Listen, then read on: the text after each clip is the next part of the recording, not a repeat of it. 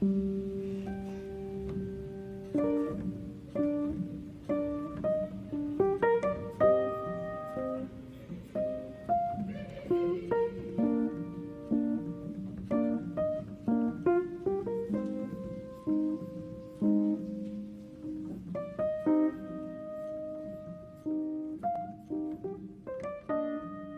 إنما الناس صور الفكر وصور القلب. فمن لم نرى فيه صورة من أفكارنا التي نلتمسها أو من أهوائنا التي نحبها فذلك ليس منا ولسنا منه. وإن سمي اخا في لغة النفاق وإن دعي حبيبا في لغة المجاملة.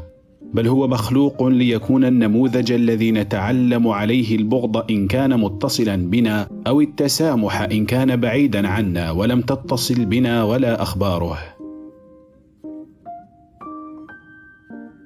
وكم من بين الناس من اسم تعرف على صاحبه كهذا النور الأحمر الذي يضعونه في الطرق فيضيئونه من الليل فوق الحفر. لينذر الناس ما وراءه ويقول لهم بصوت النور ها هنا ما ينبغي أن تحذروه ها هنا حفرة.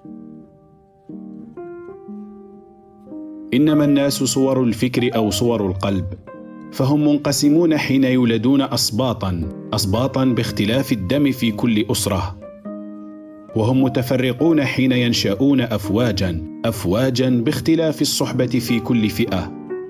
وهم متباينون حين يتدفعون أحزابا أحزابا باختلاف الهوى في كل طائفة.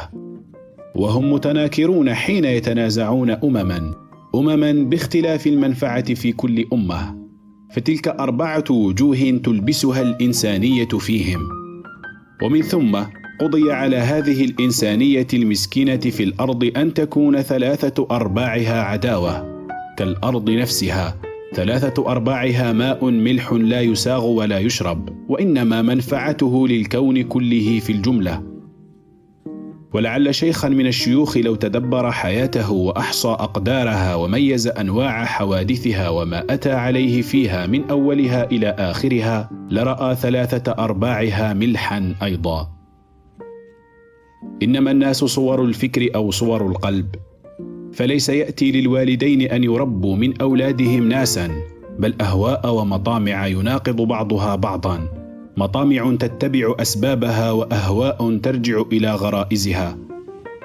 فلو أن أهل الأرض بلغوا بما لا نعلم من الوسائل أن ينظموا ظاهر دنياهم حتى يكون سواء لا يخالف شيئا منه على شيء لبقي الانتقاض والاختلال في باطن الإنسان حتى لكأن بعض الدم يخلق غالبا على بعض الدم. وإنه لا شيء في هذه الحياة إلا وقد خلق معه ضده. فإذا استقامت الأمور فلمن تكون الاضداد لعمري؟ إنما الناس صور الفكر أو صور القلب. فدنيا كل إنسان في شيئين ما ينزع إليه بفكره وما يميل إليه بقلبه. والإنسان من كل إنسان أحد اثنين ما ترجى به المنفعة ومن تكون فيه المحبة. والإنسانية من كل إنسان في منزلتين أدنى الحب وتلك منزلة الصداقة وأعلى الصداقة وهي منزلة الحب. فأما ما وراء ذلك فصحراء الإنسانية الكبرى المقفرة من قلب الشخص وفكره. ولولا الأديان لخربت الدنيا فإن هذه الأديان قد عمرت هذه الصحراء بعنصرين جليلين أنبتا فيها القلب والفكر وهما خوف الله في خلقه ومحبة الله فيهم. فحيث وجد هذا الخوف وهذه المحبة وجدت الإنسانية. وعلى ذلك فالإنسانية العامة الحقيقية هي الإيمان والإنسان العام الصحيح هو المؤمن والسلام العام الكامل هو الله جل جلاله. ولكن يا لشقاء الإنسان التعس إن أعجب ما في الشر أن اختلاف الناس في فهم هذه الثلاثة هو أصل الشر.